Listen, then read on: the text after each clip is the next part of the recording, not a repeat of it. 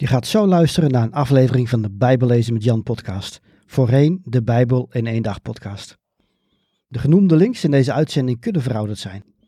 Kijk op bijbellezenmetjan.nl of in de omschrijving van deze aflevering voor meer informatie over hoe ik mensen en kerken kan helpen met het lezen, begrijpen en geloven van de Bijbel.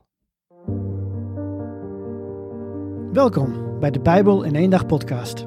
Mijn naam is Jan Heijnen. Ik ben auteur van het boek De Bijbel in één dag. Ik geloof dat de Bijbel Gods woord is en dat we allemaal deel uitmaken van zijn verhaal.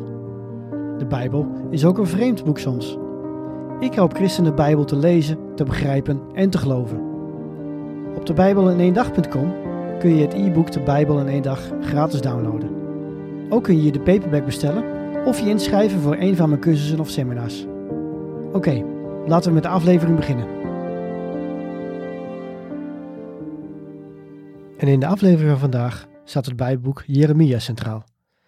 Jeremia is de profeet die na Jezaja kwam. Hij maakte de laatste 40 jaar van het koninkrijk Juda mee. Hij werd door God geroepen toen hij nog maar een jonge priester was. Het grootste deel van zijn leven moest hij nare boodschappen verspreiden over het aanstaande oordeel dat het zuidelijke rijk Juda te wachten stond.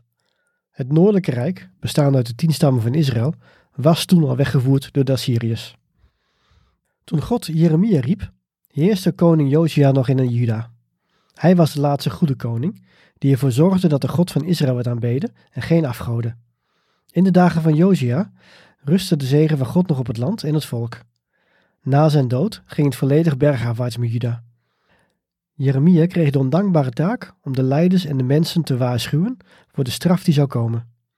Hij riep op tot bekering, maar slechts weinig mensen luisterden. Toch bleef hij klagen en aanklagen. En daarom wordt hij ook wel de klagende profeet genoemd. Veel mensen hebben trouwens moeite met de straffen van God, met al die oordelen. Of anders gezegd, waarom staat God dit toe of dat? Maar het boek Jeremia laat zien dat God niet over één ijs ging. Hij had het volk via Mozes al gewaarschuwd wat er zou gebeuren als ze hem zouden verlaten. En de Judeërs en de Benjamieten die in het zuiden woonden, hadden gezien wat de noordelijke broeders was overkomen. Hoe ze waren weggevoerd door de Assyriërs. En Jeremia roept het volk Juda dan ook op tot inkeer. Maar de mensen luisteren niet. Jeremia wordt verleugenaar uitgemaakt, zelfs gevangen gezet en gemarteld met stokslagen. Uiteindelijk, tot groot verdriet van de profeet, komen zijn woorden uit. Want Babylon neemt in 597 voor Christus de macht over, precies zoals Jeremia had voorspeld.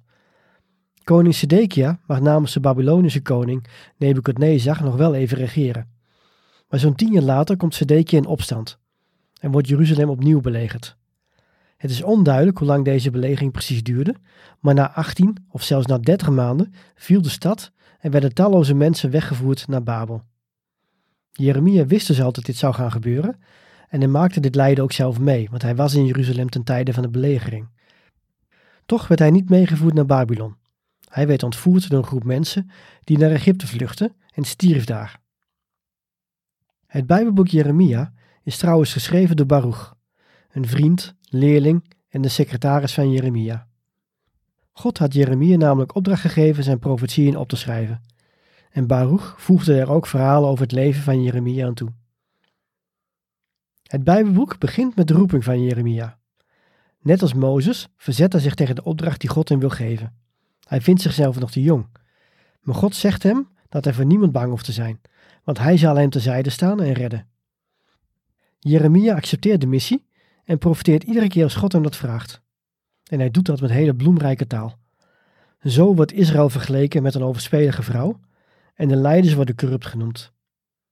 Door de afgoderij en gebrek aan integriteit is er veel onrecht in de samenleving. Weduwen, wezen, vreemdelingen en andere kwetsbare groepen worden uitgebuit en niet beschermd. Dat is een duidelijke overtreding van Gods wet. Er worden zelfs kindoffers gebracht. En ondanks dit verval van Juda gaat de tempeldienst gewoon door. Vandaar dat Jeremia naar de tempel gaat en juist daar Gods boodschap van een naderend oordeel brengt. Jeremia spreekt namens God deze woorden uit. Beter je leven, dan mogen jullie in dit land blijven wonen. Vertrouw niet op die bedriegelijke leus, dit is de tempel van de Heer. God is woest dat het volk denkt dat er niets kan gebeuren en dat zijn naam onteerd wordt. Kijk maar eens naar wat ik met het noordelijke volk heb gedaan, zegt God. En hij draagt Jeremia op zijn hoofd kaal te scheren en het haar weg te gooien. Op diezelfde manier zal God zich ontdoen van Juda. Een leger dat komt uit het noorden zal de tempel verwoesten. En later wordt duidelijk dat dit noordelijke leger het leger van Babylon is. Inmiddels heeft Babylon namelijk een nieuwe koning gekregen, Nebukadnezar. In het eerste jaar van zijn regering laat God Jeremia aan de inwoners van Jeruzalem vertellen dat de Babylonische legers eraan komen en dat het volk 70 jaar in ballingschap moet doorbrengen. Babylon is als een beker met wijn.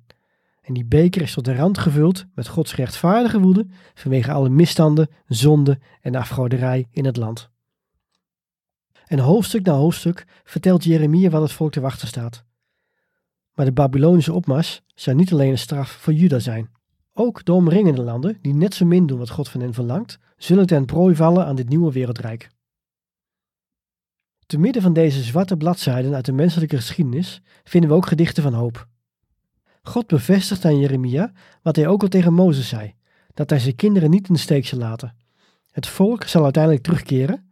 Er zal een nieuw verbond worden gesloten tussen God en mens. Uiteindelijk zal datgene gebeuren wat de wet niet voor elkaar kan krijgen. Het hart van de mens wordt veranderd. Zo staat in Jeremia 31. Maar dit is het verbond dat ik in de toekomst met Israël zal sluiten, spreekt de Heer. Ik zal mijn wet in hun binnenste leggen en hem in hun harten schrijven. Dan zal ik hun God zijn en zij mijn volk. Men zal elkaar niet meer hoeven te onderwijzen met de woorden: Leer de Heer kennen, want iedereen, van groot tot klein, kent mij dan al, spreekt de Heer. Ik zal hun zonde vergeven en nooit meer denken aan wat ze hebben misdaan. En even verderop in hoofdstuk 33 staan deze versen. De dag zal komen, spreekt de Heer, dat ik de belofte die ik het volk van Israël en Juda heb gedaan, gestand zal doen. Op die dag, in die tijd, zal ik aan Davids stam een rechtmatige telg laten ontspruiten, die recht en gerechtigheid in het land zal handhaven. Dan wordt Juda verlost en de inwoners van Jeruzalem zullen in vrede leven. En de naam van de stad zal zijn, de Heer is onze gerechtigheid. Want dit zegt de Heer, er zal altijd een nakomeling van David op de troon van Israël zitten. En er zullen altijd Levitische priesters zijn die mij dienen, die brandoffers zullen brengen, graanoffers zullen opdragen en vredeoffers zullen bereiden. Er zal dus een verlosser komen, een gezalfde koning. En als hij er is, dan zullen de andere volken de God van Israël als de enige ware God erkennen. Maar voor het zover is, volgt dus eerst het oordeel over Juda en de omringende landen, uitgevoerd door Babylon. Dat God Babylon gebruikt, wil niet zeggen dat God hun geweld, hun misdaden en hun zonde goedkeurt. Integendeel, de koning van Babylon, zo blijkt later, ziet zichzelf ook als een gelijke van God. En dus zal God uiteindelijk ook Babylon oordelen. En later zouden ze worden verslagen door de Persen. Aan het eind van Jeremia zien we hoe alle voorspellingen uitkomen en hoe Jeruzalem en de tempel worden verwoest. Het boek eindigt echter met vrijwel hetzelfde slothoofdstuk als twee koningen. Er wordt namelijk verteld hoe koning Joachim van Juda na 37 jaar gevangenschap gratie krijgt van de koning van Babylonië. Deze afstammeling van David mag voortaan aan het hof wonen en zo blijft de hoop levend.